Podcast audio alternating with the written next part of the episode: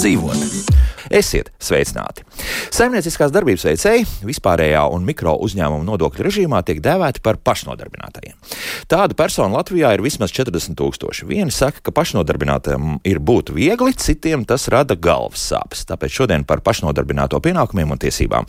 Rakstiet mums eh, jautājumus gan mājaslapā Latvijas radio.clv, tur tālāk atrodiet radio viens un raidījumu, kā labāk dzīvot. Un, protams, arī WhatsApp saziņa mums ir, tātad tur rakstiet, tikai rakstiet, un uh, tur Tālrunis ir 25, 660, 440. Bet uz maniem un klausītāju jautājumiem šodien atbildēs valsts ieņēmuma dienesta galvenās nodokļu inspektors Salvita Urtāne. Sveicināti! Labrīt. Un Iveta Liepa. Labrīt! Sākam! Pirmkārt, eh, varbūt par to, kāpēc 2022. Eh, gadā ļoti strauji pieauga tieši pašnodarbināto skaits Latvijā. No sākuma mums tur svārstījās 20 tūkstoši, drusku pāri, un pēkšņi 44 tūkstoši. Kas notika? Kāpēc tāds strauji pieaugums? Autora atlīdzību saņēmēji iespējams, kas bija iepriekš klāt, jā. nākuši klāt kā saimnieciskās darbības veicēji. Tāpēc arī pēkšņi tik strauji tas, tas, tas var, varētu būt viens. Nevis kādam pēkšņi radās ļoti liela un arī, tiek, jā, un arī sāk reģistrēt saimniecisko darbību, ja veids aktu, aktīvi veids savu sistemātiski un regulāri veids kādas darbības, tad attiecīgi ir pienākums reģistrēties kā saimnieciskās darbības veicējiem. No, nu, reģistrēt arī, savu darbību. Jā, tas ir viens no tiem jautājumiem, ko mums noteikti vajadzētu atbildēt. Nu, tad kādos gadījumos tad mēs reģistrējamies kā saimnieciskās darbības veicējiem? Nu, kā jau es minēju, ja veids sistemātiskas, regulāras darbības ar mērķi gūt peļņu, ienākumu, tad ir jāveic uh, saimnieciskās darbības reģistrācija. To vajadzētu reģistrēt pirms uzsākt šo savu darbību. Bet pirms reģistrēt, būtiski ir izvērtēt savu plānoto darbību, lai izvēlētos sev atbilstošāko nodokļu maksāšanas režīmu. Jo tiek uh, Valsts ieņēmuma dienestā reģistrējot savu saimniecisko darbību, ir četri nodokļu maksāšanas režīmi. Un tie būtu vispārējā kārtībā, kad tiek uzskaitīti ieņēmumi, uzskaitīti izdevumi un nodokļi. Tas ir ienākuma nodokļu iedzīvotāju un sociālās iemaksas maksā no ienākuma, jeb no peļņas. Mikro uzņēmuma nodoklis, kad uh, nodokļus 25% apmērā maksā no apgrozījuma, jeb ieņēmumiem. Tad vēl ir iespēja arī izvēlēties atsevišķai nodokļu maksātāju kategorijai samazināto patentu maksu maksāt. Joprojām, jā, tad, Joprojām jā. tāda iespēja pastāv. Tā gan ir īpašām grupām, pensionāriem, pirmās, otrās grupas uh, invalidiem. Jā. jā, personām, kurām ir šī invaliditāte. Arī pensionāriem, kuriem ir priekšlaicīgā pensija un atsevišķās darbības jomās nevar visur izvēlēties, bet ir atsevišķas darbības jomas, kur, kur var reģistrēties kā samazinātās patentmaksas maksātājs. Un ceturtais būtu saim, paziņotā saimnieciskā darbība, kad var pieregistrēt īres, nomas līgumu kustamai, nekustamai mantai un maksāt 10% iedzīvotāju ienākumu nodokli. Nu, tas faktiski ir tas, ka tu izīrē savu dzīvokli vai, vai kaut ko tamlīdzīgu. Mašīnu, tad... automašīnu izīrē. Arī starp citu. Arī jā. Var. Jā. Arī, arī var šādi reģistrēties. Un, nu, tas ir tas visvieglākais, bet arī nu, visšaurākā faktiski tā, tā niša, kā tu veic to savu saimniecisko. Nu, tas darbu. ir vismazāk zināšana, varbūt prasa tajā brīdī, jo pieregistrē līgumu un attiecīgi vai nu iet šī pretējā puse līguma slēdzēja, otra puse ir juridiska persona vai saimnieciskās darbības veicējs, tad nodokli ietur jau pie ienākuma izmaksas un izmaksā pēc nodokļu nomaksas. Ja tur ir pretī fiziska persona, nu, tad iesniedzot gada ienākumu deklarāciju, šis ienākuma saņēmējs aprēķina un samaksā nodokli. Mm -hmm. nu, paskatīsimies, vai par šīm divām no četrām kategorijām pēdējām arī mums būs jautājumi, bet mm -hmm. nu, mhm. tad atgriežamies pie tām divām pirmajām. Nu, kā tomēr izvēlēties? Tas ir atkarīgs no, no ienākumu teiksim, apjoma, kā vai pirmo vai otro variantu, kuru ņemt. Kur ņemt Nē, tur jāpavērtē būtu ieņēmumu struktūra, runāts skaļi. izdevuma struktūra. Droši, jā. Jā. Uh, kā, kāda ir šī darbības joma, jo ne visās jomās var reģistrēties kā saimnieciskās darbības veicējs fiziska persona. Ir iespējams eh, jāreģistrē individuālais komersants vai SIA grāmatvedības kārtošanas uh, režīms. Vienmēr sakot, tur ir jāpavērtē. Ir nianses, kuras, jā, kur pirms reģistrēt šo savu darbību būtu jāpavērtē Varbūt ir iespēja biznesa plānu sastādīt, apskatīties, kura, kura no nodokļu maksāšanas jomām ir izdevīgākā vai, vai piemērotākā konkrētajam uzņēmējiem darbībai. Mm -hmm. Jo, redz, jautājumi, kā jau var noprast, tiešām sāk parādīties, un to, piemēram, jautā, vispārējā režīmā maksā no ieņēmumiem vai peļņas. Tie ir divi dažādi termini. No peļņas maksā. No peļņas, jā, jā. tā tad, ja ir izdevumi, tad, protams, eh, ir jāizvērtē, vai ir vērts eh, reģistrēties kā mikro uzņēmuma nodokļu maksātājiem, jo tas savukārt maksā tikai no, nu, kā es saku, vienkārši no naudas, kas ienāk, neatskaitot nevienu izdevumu.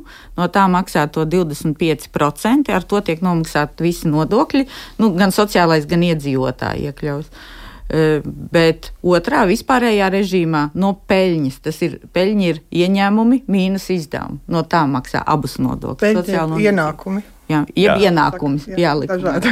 mm -hmm. Bet nu, tur jāmāk atkal aprēķināt. Jā, tur visu. ir, jā, jā, protams, izdevumi nav, nav pateikts, ka grāmatvedība nav jāved mikro uzņēmumu nodokļu maksātājiem. Arī viņi uzskaita izdevumus, bet nodokli maksā tieši tikai no naudas, ko saņem, jeb no ieņēmumiem. Mm -hmm. Jo arī viens jautājums, kas mums Vācijā ir šāds, vai pašnodarbinātam, kuram ienākums ir 100 eiro mēnesī, arī jāmaksā 25% nodoklis. Nu, faktiski jā. Tad... Ja viņš ir mikromaksātājs, tad jā. 25%. Ja viņš ir vispārējā kārtībā, tad mm, tas ir jautājums ienākums, tā ir peļņa vai tā nav. Es domāju, ka tas nauda. ir nu, tāds apgrozījums, nu, kas tur ir. Nu, saņemtā nauda. Saņemtā nauda, jā. jā.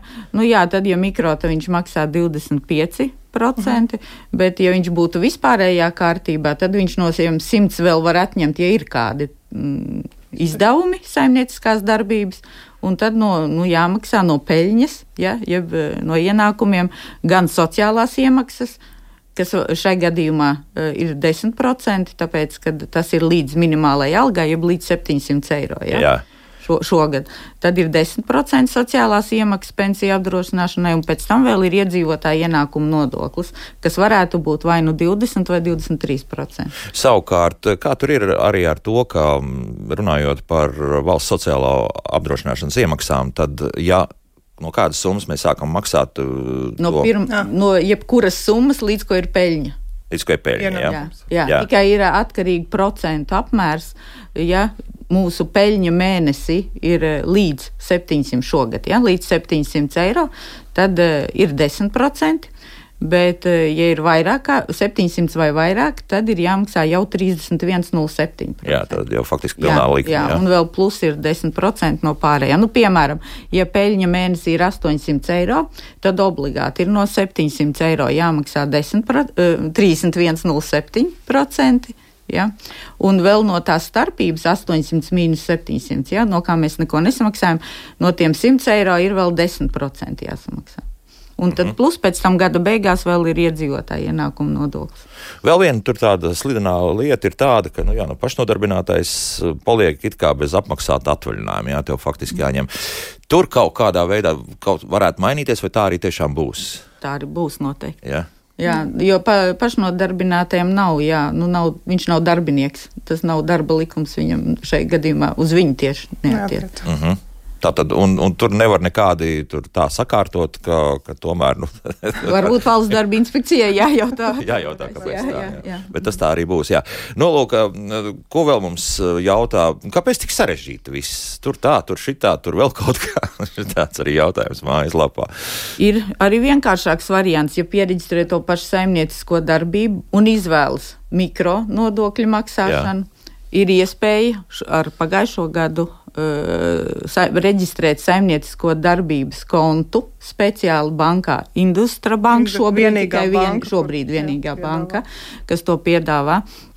Un, ja visi ieņēmumi no saimnieciskās darbības nāk šai kontā, tad praktiski pašam cilvēkam nav jāsniedz neatskaites, ne pašam, teiksim, jāveic pārskaitījums. To visu izdara banka. Ja ienāk tie paši 100 eiro, tad banka ietur 25% pārskaita un viss atskaits arī nav jāsniedz. Mm -hmm. Es saprotu, ka Oskars tieši par to raksta vienotais norēķina konts, jā, tas vienotais, sauc, nu, jā, nodokļu. Jā, nu viņš Vienā, saka, varbūt tas domāts kā, kā ir. Domā? Vieno, vienotais nodokļu konts ir, kurā veids maksājumus. Kurā viens, visi veids visus nodokļu maksājumus. Iedzīvotāju sociālās iemaksas pievienotās vērtības nodokļu. Saimnieciskās darbības ieņēmumu konts. Ieņēmumu konts, jā. jā. jā. Jo, nu, labi, es lasīšu tā kā Oskars uzrakstījis, ja raidījumā netiks pār pārnāca, kāpēc vienoto norēķinu kontu, kur ieguldīja miljonus nodokļu maksātāju naudas, izmanto tikai daži simti pašnodarbināto.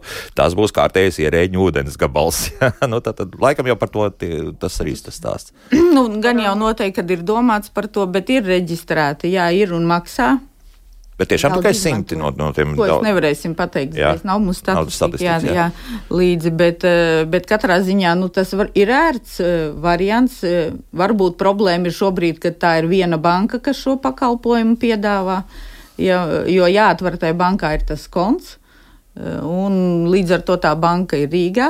Ja, varbūt, kad cilvēkiem, kas ir ārpus Rīgas, tā ir problēma, varbūt tāpēc nav pieredzējis. Bet E, tas atvieglo praktiski grāmatvedību, nav jāvada. Ja viss ienāk tajā kontā, Viss gan atskaita tiek nodots, gan arī samaksa veikta. Mm -hmm. nu, Tādas saskaišu veikšanas arī viena saka sarežģīta, otra saka, mm, var tikt galā. Tas kā, kā jebkurā jomā man šķiet, ir dažādi viedokļi. Jā. Vai tas nozīmē vienkārši, ka arī nu, teiksim, tajā virzienā, saimnieciskās darbības veikšanas virzienā var, varētu būt dažādība, teiksim, pavarā, parādīties. Kādam ir vienkāršāk, kādam ir teiksim, viens ienākuma avots, un, un tur ir arī viss vienkāršāk saskaitīt un, un saprast, jā, un varbūt kādam ir tas sarežģīti. Ir šī joma. Tā, tā iespēja, ja saimniecisko darbību nereģistrē, un par piemēru ir šī nekustamā īpašuma noma vai, vai kustamā īpašuma noma, uh, īra, tad ir iespēja pierakstīt līgumu un ne, nekārtot šo grāmatvedību, it kā sarežģīto jāpreizums, un maksāt vienu nodokli. 10, apmēr, 10% apmērā no ienākuma, no ieņēmumiem. Šai gadījumā, gan ja reģistrē līgumu, nevar atskaitīt nekādus izdevumus, izņemot nekustamā īpašuma nodokļu maksājumus. Nu, tas tāds, bet ir 10% maksājums. Mm -hmm. nu, jā, nu, tad atkal ir tādas mazas nianses. Ir iespējas. Jā. Ko vēl jautā? Nu, jā, jā, mm, Vai ir viedoklis, kur reklāmas iznešanas firmas liek reģistrēties par pašnodarbinātiem, lai gan faktiski tas ir darbs? Nu, vēl arī jā, par to, ka šādas lietas notiek, ka daudzi darba devēji liek pāriet uz, uz pašnodarbināto statusu, un, un tad faktiski tāda nodokļu ekonomija. Jā. jā, likums eh, par iedzīvotāju ienākumu nodokli to paredz, kad, kas ir darba attiecības, kad būtu jābūt darba līgumam un kad darbinieks jeb tas, kas sniedz to pakalpojumu, nevar būt e, pašnodarbinātais, e, bet ir jābūt viņam kā e, darbiniekam. Un tur ir vairākas pazīmes kas nosaka, ka tās ir algota darba pazīmes. Arī reģistrējot saimniecisko darbību, fiziskai personai ir jāizpilda anketa pirms reģistrācijas. Un, e, ja tā anketa apliecina to, ka viņš vairāk izskatās atbilstam likuma prasībām, ka viņš ir kā algots darbinieks, e, praktiski saimnieciskā darbība netiek ļauta reģistrēt. E, un arī, ja mēs konstatējam kādās pārbaudēs, ka tas, kas sniedz pakalpojumu, ir algota darba pazīmes, kas noteikts likumā, tā ir ekonomiskā atkarība. Tas, ka tas darba, ja pakalpojuma Pasūtītājs nosaka darba laiku, atpūtas laiku, izmanto viņa pamatlīdzekļus, lai sniegtu tos pakalpojumus. Ja nevis es savus kā reģistrējies saimnieciskās darbības veicējs, bet tā, kas man pasūta. Tas viss ir algot darba pazīmes. Un līdz ar to e, var būt tāda situācija, ka uzņēmumam tiek uzreikināts par to, ka tas tomēr bija, darb, bija jābūt viņam kā darbiniekam, bija jābūt noslēgtam darba līgumam un attiecīgi darba spēka nodokļu maksājumam. Tā, tāda lieta pastāv. Jā, pastāv. varbūt. Jā. Jā. Un gan jau, ka jūs arī piemērojat ik pa brīdim kaut ko tādu. Jā. Savukārt, Ivet, nu, rakstījā tas ir ļoti nemotivējoši. Mikronodoklis 10% līdz 700 eiro un pēc tam 31 milzīga starpība. Tas nav mikro, tas ir vispārējā kārta. Vispārējā kārta, jā. Mm -hmm. Tātad, un gan šis slieksnis 700, gan pēc tam tas 31%. Kaut kas īsti nesot pārdomāts par to. 10% ir tikai pensiju apdrošināšanai. Tad cilvēks nav nekam vairāk apdrošināts kā tikai pensiju apdrošināšana, jeb pareizāk teikt, darba stāžam. Darba stāžam. E, bet, ja tiek veikts jau iemaksas no 700 vismaz no 700. Ja? E, tad, tad jau ir apdrošināts vairākiem veidiem. Nu, viens no tiem ir slimības lapa. Protams, arī pašnodarbinātais A lapu sev nevar izmaksāt, ja, bet B lapas ir iespējams. Ja. Uh mhm. -huh. Kā tur jaunajām un topošajām mamām ir, kuras ir pašnodarbinātājs? Kas tur ir pa niansēm? Kas ir šajā gadījumā? Jau, tās jau vairs nav pienākumi, bet tiesības laikam, jā, mēs teiksim tā. Attiecībā par šo pabalstu un slimības pabalstu rēķināšanu arī maternitātes tur gan būtu jāvēršās valsts sociālās apdrošināšanas aģentūrā. Bet tajā gadījumā, ja ir maksājis kā pašnodarbinātais tikai 10% pensiju apdrošināšanai, tad tas nekādi neietekmēs to pabalstu apmēru.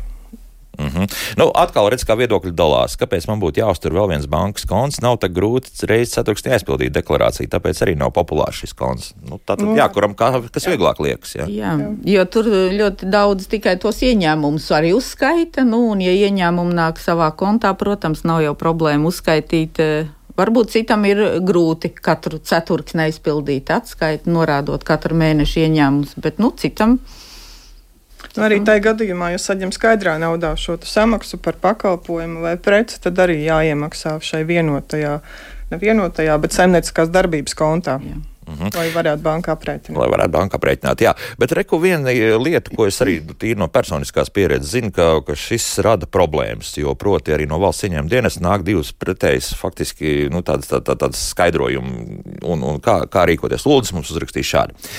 Lūk, iesaku sīkāk pastāstīt par grāmatvedību pašnodarbinātajiem, ja jākļūst par PVN maksātāju. Gadījumos, kad tiek tirgot produktu ārvalstu portālos, Etsy, eBay un vai ir saņemt reklāmas pakalpojumu no Google vai Facebook. Jēga no tā saskata tādā ziņā, ka tā rodas iespēja atgūt daļu no degvielas un citiem produktiem pakalpojumiem samaksāto PVN.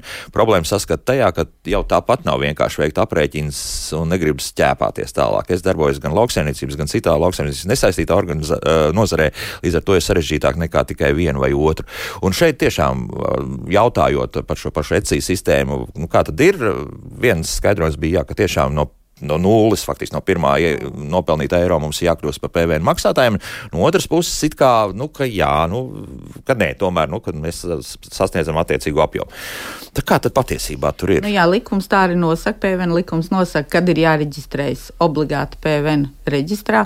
Nu, viens no nosacījumiem ir par to apjomu, par to apgrozījumu, ja man preču vai pakalpojumu realizācija ir jebkuros 12 mēnešos, šogad tie 50 tūkstoši. Pagājušajā gadā bija 40.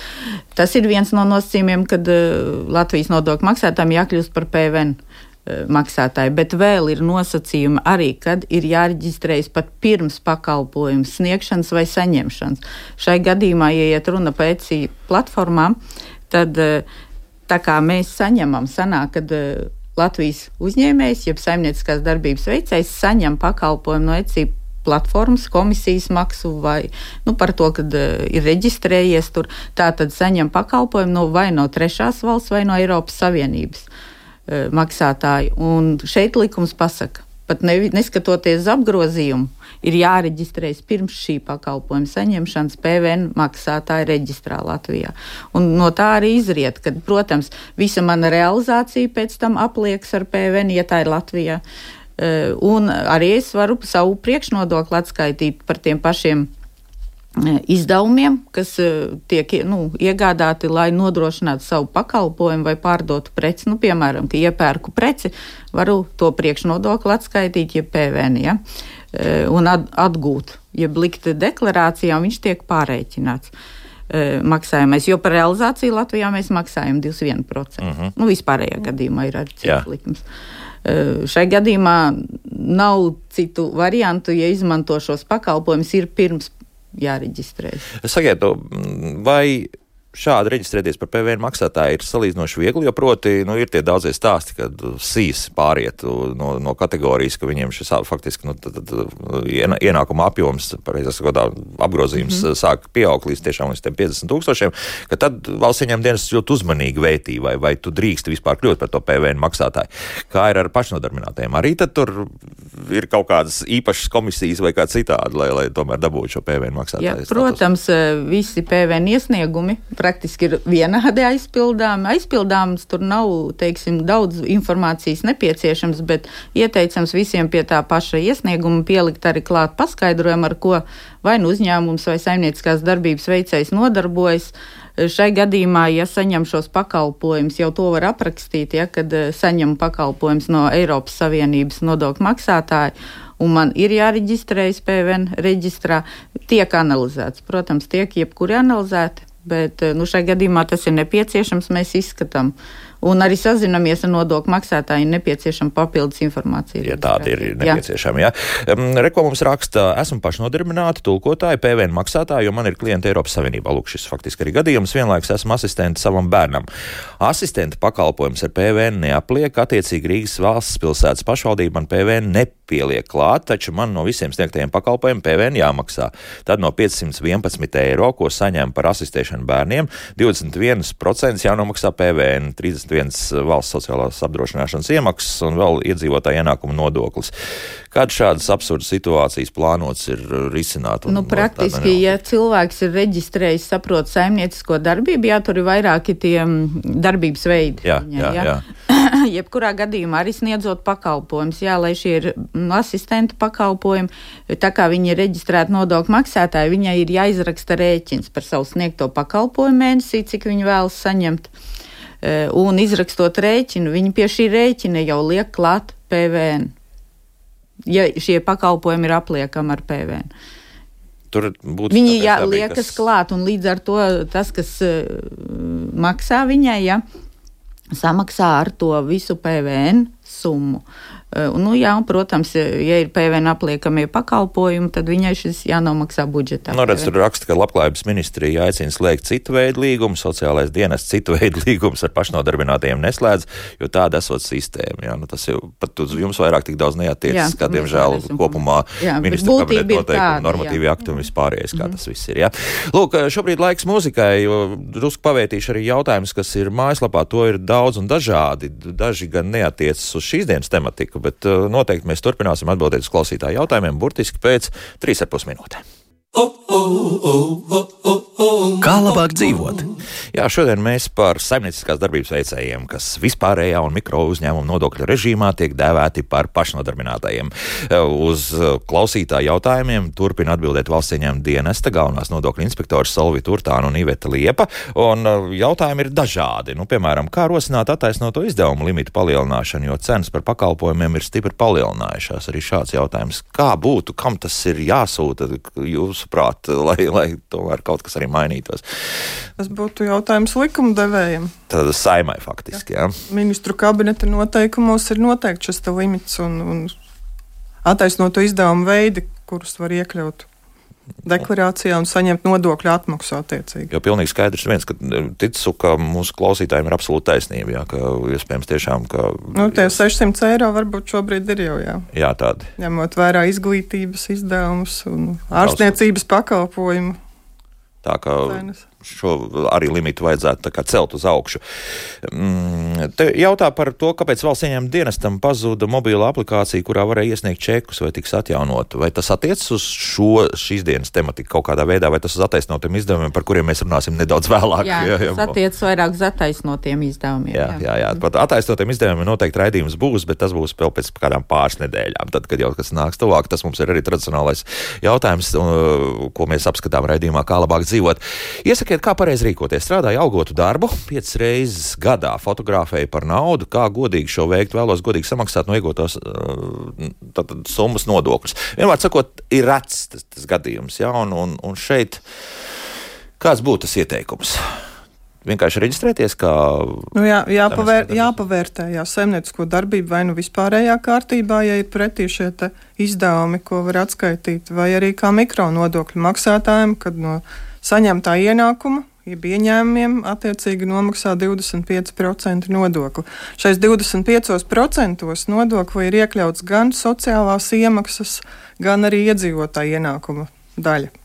Tā kā, ja veids šo maksājumu, tad ir apdrošināts arī sociālo. Nu, es pieļauju, ka mūsu klausītājs vēl ar kaut ko citu nodarbojas, un, un tad uh, faktiski nu, šeit mēs to mikro uzņēmumu faktiski nodokli. Nu, tas var, var, iespējams varētu jā. būt, jo algotam darbam tad darba devējs maksā nodokļus no algas, un šeit kā saimnieciskās darbības veicēja pašnodarbinātā vai mikro nodokļu maksātāji maksā pats un tad nomaksā to nodokļu likmi. Faktiski... Atbilstošo, jā, reizi ceturksnī iesniedz deklarāciju, aprēķinu un veids maksājumu. Kā ir uh, situācija, ja pēkšņi mūsu radioklausītājs, labi, viņš piecas reizes gadā kaut ko fotografē, nu pēc tam izdomā, ka vairāk nefotografēs, vai š... ātri mēs varam arī no šī faktiski statusa atteikties? Šo reģistrāciju valsts ieņēmuma dienestā var veikt bez maksas. Jā. Tā ir iespējams reģistrēties elektroniskās deklarēšanas sistēmā, pat nenākot klātienē, vai, vai nerakstot, vai nebraucot. Visu izdarīt attālināti, un arī šo likvidāciju, saimnieciskās darbības izbeigšanu, tāpat kā reģistrāciju, veids caur EDS Nav, nav, nav, norādot beigu datumu, tikai Viss, ieliekot jā. beigu datumu. Protams, attiecīgos nodokļus nomaksājot par to periodu, kad bija saimniecība. Lūk, un šeit nākamais jautājums ļoti līdzīgā situācijā. Esmu pašnodarbinātais un aizmirsusi mūsu radioklausītāju samaksāt nodokļus par vienu rēķinu iepriekšējā ceturksnī. Vai var to samaksāt jaunajā ceturksnī, vai būs arī kādas soda sankcijas tādā gadījumā, var sakot? Nu, ja ir nodokļu parāds, tad, protams, tur būs nokavējuma naudas. Tomēr būs 0,05% dienā. Tas jā. ir nokavējuma nauda, ja nav saulēcīgi veikts nodokļu maksājums.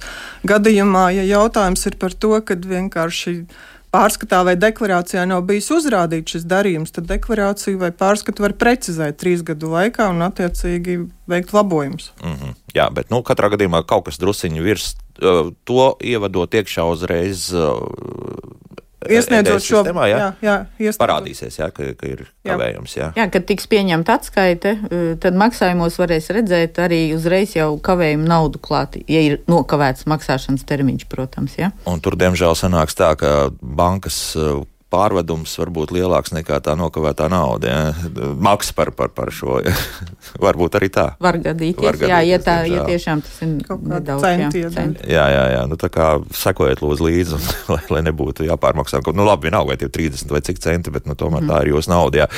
Par nodokļiem no īres jautā. Ir darbs un visi nodokļi nomaksāti. Ja izīrētu dzīvokli par 100 eiro, kādu nodokļu būtu jāmaksā, tad faktiski tikai šie 10%. Jā. Tad pieregistrē piecu darba dienu laikā no līguma noslēgšanas dienas valsts ieņēmuma dienestā šo līgumu. Un, ja pretī ir īrnieks, fiziska persona, tad šis ienākumu saņēmējs iesniedz gada ienākumu deklarāciju par taksācijas gadu un aprēķina nomaksā attiecīgi 10% nodokli. Šo. Bet tur tā lielākā problēma bija tāda, ka ir grūti izīrētājiem sekot līdzi, ja tu, tu nu, faktiski, jā, nu, tu par to īres naudu tikai saņem, bet parasti iet arī cauri naudu, kas ir saistīta ar, ar, ar komunāliem pakalpojumiem un, un šīm lietām. Te nekas nav tā arī nav atrisinājies faktiski. Ja? Nu, šajā gadījumā, ja izīrē, nu, sanāk, ienākumu saņēmējs, dzīvokļu īpašnieks saņem no īrnieka arī komunālos maksājumus, kopā ar īres maksu, tad šis nodokļu apliekamais ienākums ir visa summa. Visa summa, jā, no, no, arī komunālie maksājumi. Un tur nekas tā arī neizdevās, nav nekas ne. radīts. Jā, tā, Nē, mēs... tad ir otrs variants, nu, jāizvērtē, vai nav izdevīgāk vērt, reģistrēt to saimniecisko darbību. Šeit arī pie izīrēšanas drīkst reģistrēt saimniecisko darbību, uzskaitot ieņēmumus, tātad saņem to naudu jā. un atskaitot izdevumus. Nu, komunāliem man būs izdevumi, jā, nu, sanāk tā tīrā īres nauda būs peļņa, un nu, no tā tad atkal attiecīgi jāveic sociālās iemaksas un iedzīvotāja ienākuma nodoklis. Tad ir jāparēķina, kā ir izdevīgāk. Nu, varbūt jā, ka nu, pensijā kā iekrāt, tad varbūt mm -hmm. šo variantu varētu mm -hmm. izvēlēties tā. kaut kādā mm -hmm. veidā. Jā. Nu, tur atkal viss kalkulācija, kā jums tiešām būtu izdevīgāk. Tā. Um, Par autlioru atlīdzības saņēmējiem un pašnodarbinātajiem. Ja persona vēlas saņemt bezdarbnieku pabalstu, vai drīkst saņemt pabalstu un ienākumus kā pašnodarbinātais? Mm, šis jautājums vairāk būs jāvērš tieši vai saņemt pabalstu valsts sociālā apdrošināšanas aģentūrā, Jā. jo šī iestāde aprēķina pabalsts. Eh, ja ir maksātas sociālās iemaksas, nevis tikai, kā mēs runājām, tie 10% pensiju apdrošināšanai, pensiju apdrošināšanai tad visticamāk, ka būs iespējams, bet par šo jautājumu jāvērš valsts sociālā aģentūra. Mm -hmm. Bet nu, te tā varbūt situācija no jūsu puses skatoties, pieņemsim, ir kāds mūzikas autors, kurš turpina saņemt arī šīs autora atlīdzības, bet nu, viņš faktiski citu neko arī nedara. Nu, viņš uzskata, ka viņš ir eh, bezdarbnieks, pieņemsim. Ja? O, tad nekādi tur papildus nodokļi, vēl kaut kas tam līdzīgs, ne, nekas tāds nenāks. Jā ja viņš nav reģistrējis saimniecisko darbību, kas pagaidām ir iespējams autora atlīdzības Jā. saņēmējiem, tad izmaksātājs ietur 25% no šīs summas. Nu, šai summā arī ir iekļautas sociālās iemaksas, arī tam pašam bezdarba gadījumam un, un iedzīvotāja ienākuma nodoklis. Nu, līdzīgi, teiksim, kā mikro, ja, tur jau ir iekļauts tais 25% abi šie nodokļi iekšā. Tā kā, ja šai gadījumā, tad, protams, jāinteresējas, kādā, kādos gadījumos var saņemt šo bezdarbnieku pabalstu atkal valsts sociālā apdrošināšanas aģentūrā, bet, ja šie 25% tiek ieturēti, tad tur sociālās iemaksas ir. -hmm. Tā vai no pašnodarbinātā konta var izmantot finanšu līdzekļus personīgām vajadzībām, rēķina apmaksai ģimenes uzturēšanai? Jā, var, var izmantot, tikai tie nebūs saimnieciskās darbības izdevumi. To drīkst ņemt naudu, tur drīkst būt savs viens tikai konts, gan personīgais, ja vēl, nu, nevēlas atsevišķi, bet eh, naudu drīkst izņemt, izmantot, eh, bet tie nebūs izdevumi, ja, ka, kas samazinās nodokļu maksāšanu. Tur trakākais ir tas, ka, tev, ka tu vēlies tam pašnodarbinātajam ieskaitīt kaut kur vienalga par bērnu kaut kādām tas lietām. Tas arī nebūs apliekams ar nodokli. Ja personīgs Jā. ieskaitījums, nu manā pieņemsim saimnieciskās darbības kontā ieskaita naudu, ģimenes loceklis vai kāds paziņ. E, šai gadījumā šie būs ieņēmumi, kas nav attiecināmi uz nodokli, jo ir saimnieciskās darbības ieņēmuma izdevuma uzskaits žurnāls, nu vienkāršā grāmatvedība. Un tur ir atsevišķa ailīte, kur raksta šos visus ieņēmumus. Ja? Tie ir jānorāda, ja, ka kāds jā, ir ieskaitījis tev tur. Jā, ja kopējs konts, jā, ja tai saimnieciskās darbības kontā, tad jānorāda. Ja man ir divi konti, viens ir saimnieciskās darbības konts, otrs varbūt man ir personīgais. Un e, saimnieciskās darbības kontā var būt kādreiz kāds ģimenes loceklis ieskaita naudu. Jā, tad es to norādīšu. Bet, ja viņš man ieskaita personīgajā, kur man nenāk saimnieciskās darbības ieņēmumi, tie jau nav jānorāda. Tā, tālūk, jā. Mhm. Tā, kas te vēl ir? Vai tad man nepienāks sociālās garantijas maksājot 25% nodokli kā pašnodarbinātā mikro uzņēmums? No šiem 25% Ir. ir jā, 80% aiziet uz sociālo apdrošināšanu. Ar, ar to viss ir kārtībā. Mm -hmm. jā, tad mēs varam teikt tā. Mm, tā vienlaikus darba ņēmējas status un pašnodarbinātais. Kādi ierobežojumi? Vai ir kaut kas tāds? Abos režīmos, gan kā alg... senāk algots darbinieks, saprotu, tad maksā kā jūs teicat, darba devējs. Un, ja pašnodarbinātais, tad maksā pats par saviem ienākumiem. Ierobežojumi nav arī vairs mikronodokļu maksātājiem. Iepriekš bija tā, ka eh, pagājušo gadu, kad uh, nevarēja iesniegt algas nodokļu grāmatiņu savā darba vietā. Ja es biju gan saimnieciskās darbības veicējs mikromaksātājs, un man bija arī algots darbs, es nevarēju saņemt atvieglojumus par apgādājumām personām, gan neapliekamo minimumu. Šogad jau var iesniegt nodokļu grāmatiņu darba vietā, saņemt atvieglojumus. Ja apgādībā ir personas, tad saņemt arī tos atvieglojumus nu, darba vietā. Arī atvieglojumu par invaliditāti arī vai represētās personas mm -hmm. status, ja ir, tad arī var saņemt šos atvieglojumus. Ja ir blakus mikro uzņēmumam, arī algots darbs vispārējā kārtībā. Jā, nu, reko arī līdzīga situācija, ik pa laikam veids remonta darbus celtniecībā, bet, nu, strādāja arī algotas darbu. Tie tiek veikti neregulāri, un starp tiem var būt arī vairāk mēnešu starpbrīži, un kādu gadu varbūt pat kādi tikai pieci projekti, citu gadu nav neviena.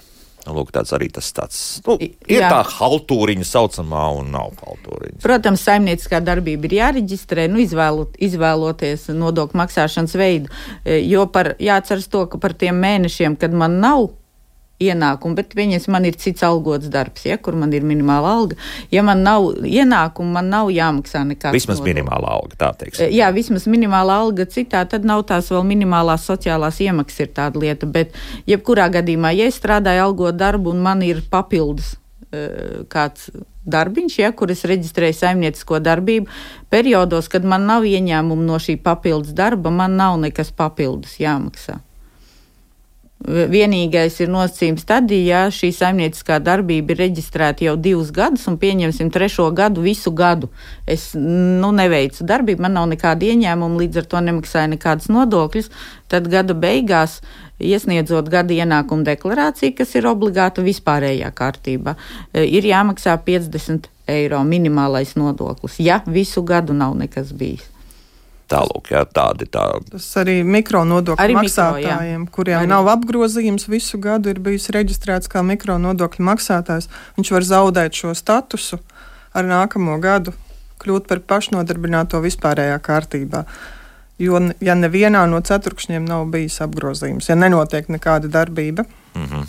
Ar to ir jārēķinās. Jā, tad, tad varbūt arī pašiem ir izdevīgi pārtraukt. Jā, brīdi, protams, ja? var pārtraukt. Jā, ja zinu, ka eh, tiešām šo visu gadu man nebūs saimnieciskā darbība. Un vispārējā kārtībā es piemēram pārtraucu kaut vai decembrī, ja tad šie 50 eiro nebūs jau gadā, kad izbeidz saimniecisko darbību vai uzsāk, un nākamajā gadā tad uh, nav šie 50 eiro. Ja? Tad, Jā. tad var izbeigt un nav aizliegts jebkurā laikā atkal, Atkal atsākt. Jā. Nu, drusku jāprosās, bet, bet pri- principā labāk ir tomēr sakārtot visu tā, lai, lai ātri sākam, ātri. un Nu, vēl, vēl tā nianses saistībā ar mikronodokļu maksāšanu. Ja pārtrauc savu saimniecisko darbību kā mikronodokļu maksātājs, tad atkārtoti kļūt par mikronodokļu maksātāju var tikai pēc gada.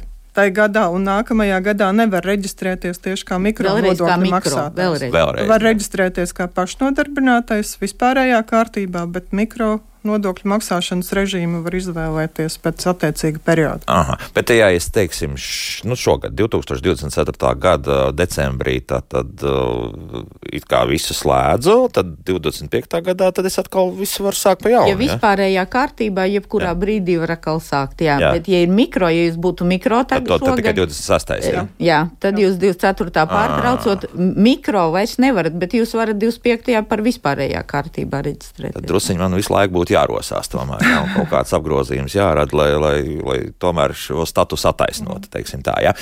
ja persona ir pensionārs un strādā gan kā pašnodarbinātais, ir mm, mikrouzņēmuma nodokļu maksātājs un kā algots darbinieks, kā tiek veikts pensijas aprēķins, kaut kas pie, pienāk klāt pensijai vēl. Arī no šī Tas nav- arī būs jautājums valsts sociālās apdrošināšanas aģentūrai, jo abos statusos, gan algots darbinieks, gan arī kā mikronodokļu maksātājs, viņi veic sociālās iemaksas. Tas nozīmē, ka kaut kāds pārreikins pēc tam varētu veikt. Jā, jā. Tā kā tur interesēties VSA, jā, un ļoti iespējams, ka tiešām uh, pensija kļūs nedaudz, bet tomēr lielāka. Tā, ja ir sasniegts PVN reģistrēšanās slieksnis, tad labāk ir veidot sija, nevis būt pašnodarbinātajiem. Tā mums Kārlis raksta, sija noteikti ir daudz piemērotāks saimnieciskai darbībai nekā pašnodarbinātais, un nav arī dārgākais. Nu, es Kārlim personiski laikam piekritīšu zināmā mērā. Jo tur, tur ir savas priekšrocības. Tas nav obligāti, bet pats izvērtē nodokļu maksātājs. Jā, jo jārēķinās, ka SIA ir e, grāmatvedība, kas vairs nav vienkāršā grāmatvedība. Līdz ar to, ar to ir jārēķinās vēl klātiem. Mm -hmm. Un uh, Nita Kals raksta šādi, kā būt godīgam, ja man tikai viens pakalpojums jāsniedz. Strādāju konsultāciju jomā, ir darba līgums, bet ārpus darba vienojos sniegt pakalpojumu vienreizēju. Nu, tiešām tikai vienreizēju. Tiešām, vārdi tiešām nozīmē vienu reizi. Tu sniedz kaut Ja kādu nav reģistrējies kā saimnieciskās darbības veicējs, tad iesniedzot gadu deklarāciju attiecīgi aprēķinās.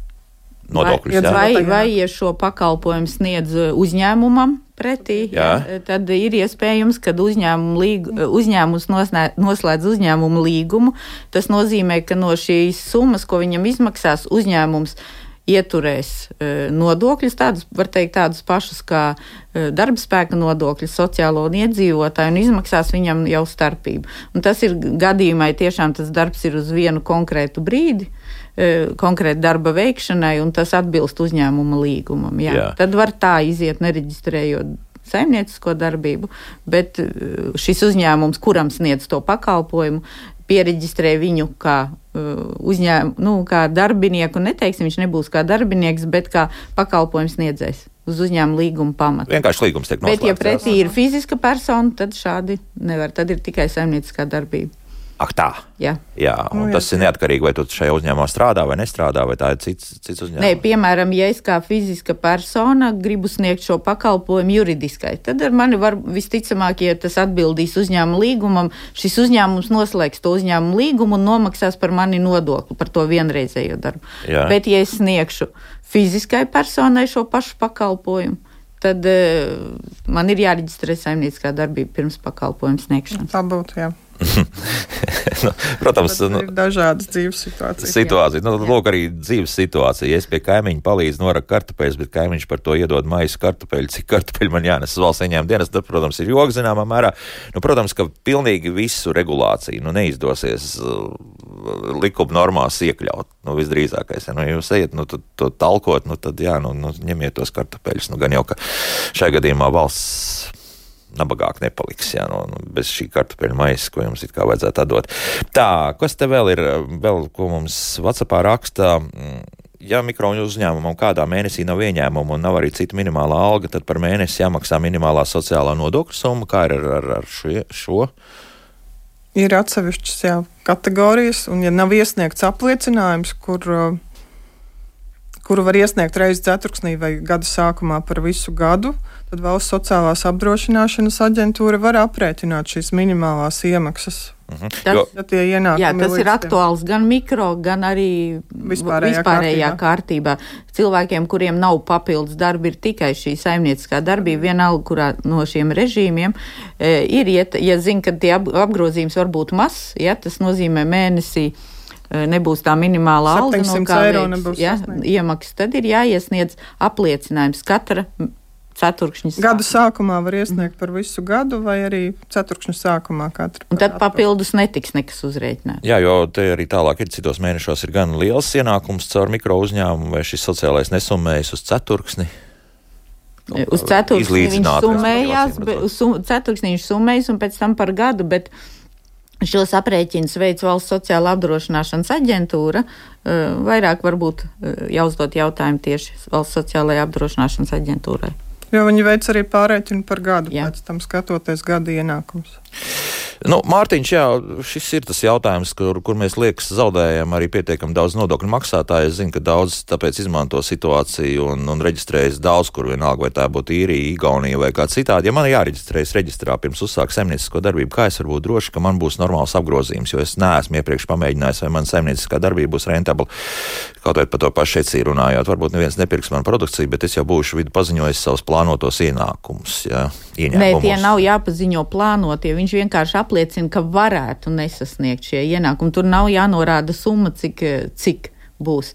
Ja, protams, tā summa pārsniegs, izdodas eh, biznesa un eh, summa pārsniedz, tas neko neatceļ, ne, tas nav maksā. nelabvēlīgs nodokļu maksātājiem. Šis apliecinājums tieši otrādi, eh, viņš var samazināt nodokļu maksājumus par to, ja es neko nenopelnu tomēr. Uh mhm. -huh. Sociālo nodokli. Jo šis ir daudz aizskārs. No Sandra raksta, kā var reģistrēties PVN uz laiku vai tieši pirms pakalpojumu saņemšanas no ECI vai Google. Var reģistrēties PVN un pēc tam izstāties iestāties, piemēram, PVN maksātājs laikā no 14. līdz 16. janvārim. Nu, tur ir savs noteikti nianses, jā, kā to darīt.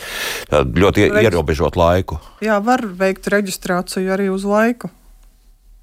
Jā, var. Vai tas būs jā, atbilstošais minētais darījums, tad to jāvērtē.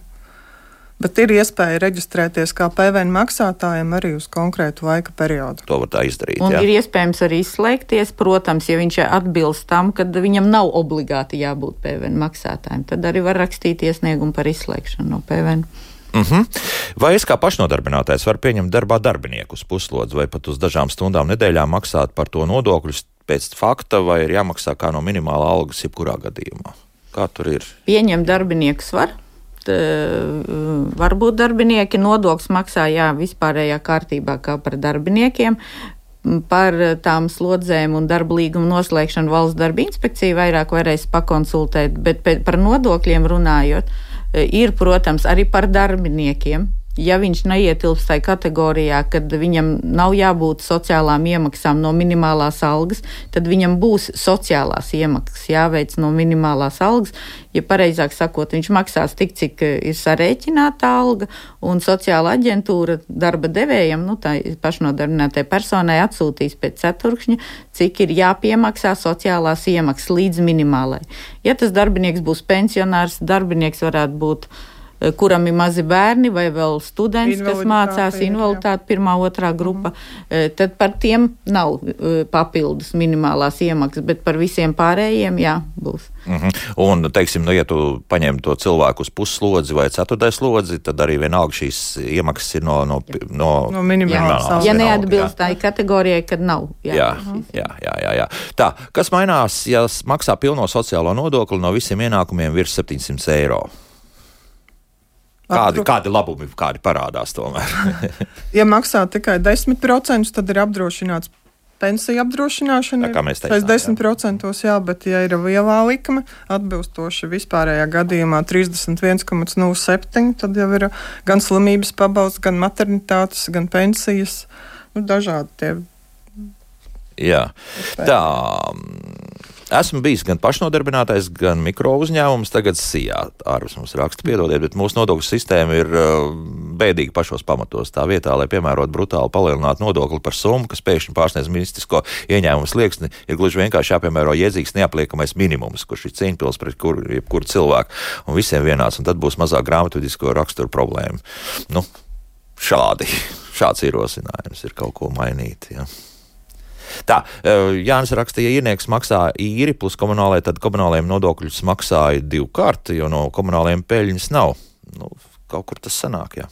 Jā, tad ir vai nu jāizvēlas, kā mēs runājām, jāizvēlas nevis reģistrēt nomas līgumu, lai maksātu 10%, bet varbūt tad izdevīgāk ir reģistrēt saimniecisko darbību. Vispārējā jā, režīmā. Vispārējā režīmā jā. jā.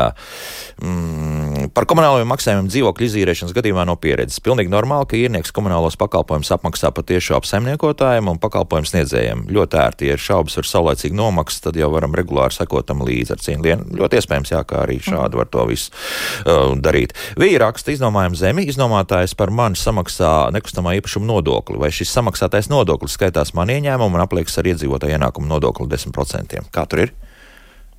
Nekustamā īpašuma nodokli. Tas ir vienīgais, ko var atskaitīt kā izdevumus Ja, ja maksā pats, ja maksā pats. tad principā tad pašai vijai būtu jāmaksā, respektīvi, mūsu radioklausītājai. Jā, jo, jo šeit sanāk, ka samaksā, samaksā tas, kurš šobrīd šo zemi lieto. Aizpildot deklarāciju, tad ir jāpievieno klāt dokumenti, kas apliecina šo nodokļu samaksu.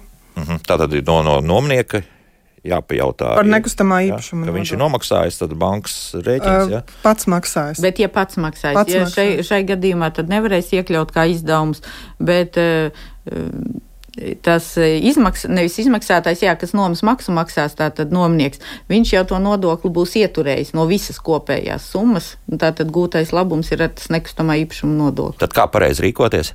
Nu, šai, šai gadījumā atkarībā, protams, kā viņiem ir līgums noslēgts. Ja e, nomas maksa ir noteikta, man samaksā nomas maksu, es kā īpašnieks samaksāju nekustamā īpašuma nodokli par zemi. Tad es varu aizpildīt gada ienākumu deklarāciju un šo nekustamā īpašuma nodokli, ko es esmu samaksājis, samazināt tos 10%, kas bija tad ieturēti jau tad, tad vislab... pārmaksas. Jā, tad tas nozīmē, ka vislabākais būtu izlīdzināt šo nekustamā īpašuma nodokli un iekļaut uh, šajā nomas maksā. Ja? Nu, tā būtu visvieglākais, kā, kā rīkoties. Ja iekļauj, jā, tad viņš pats nevarēs vairs deklarācijā ielikt mm -hmm. attaisnot tos izdevumus pie samazināt to 10%. Jā. jā. Nu, var rīkoties -hmm, dažādi. dažādi. Šodien mums jābeidz. Laiks mums ir beidzies, kaut gan jautājumi joprojām turpina birt. Cilvēks tas interesē. Paldies par iesaistīšanos. Nu, pamēģināsim vēl arī tos jautājumus arī pārsūtīt jums. Varbūt, ja kaut ko spēsit atbildēt. Viss šobrīd arī WhatsApp skatos jautājumu. Gan šeit ir visi tikpat kā beigušies, bet nu, arī mājaslapas jautājums varbūt izdosies arī apstrādāt kaut kādā citādā veidā. Valsts ieņēmuma dienas galvenās nodokļu inspektores Solvi Turtāna un Ivet Liebi kopā mums paldies, dāmas, par skaidrojumiem. Rītdien savukārt mēs pievērsīsimies Ukraiņas tematikai. Jā, nu, sabiedrības iesaisti joprojām ir augsta, un mēs joprojām turpinām gan ziedot, gan arī daudz citas lietas darīt Ukraiņas labā. Par to arī tad rīt raidījumā, kā labāk dzīvot. Jaukdien visiem! Manatā.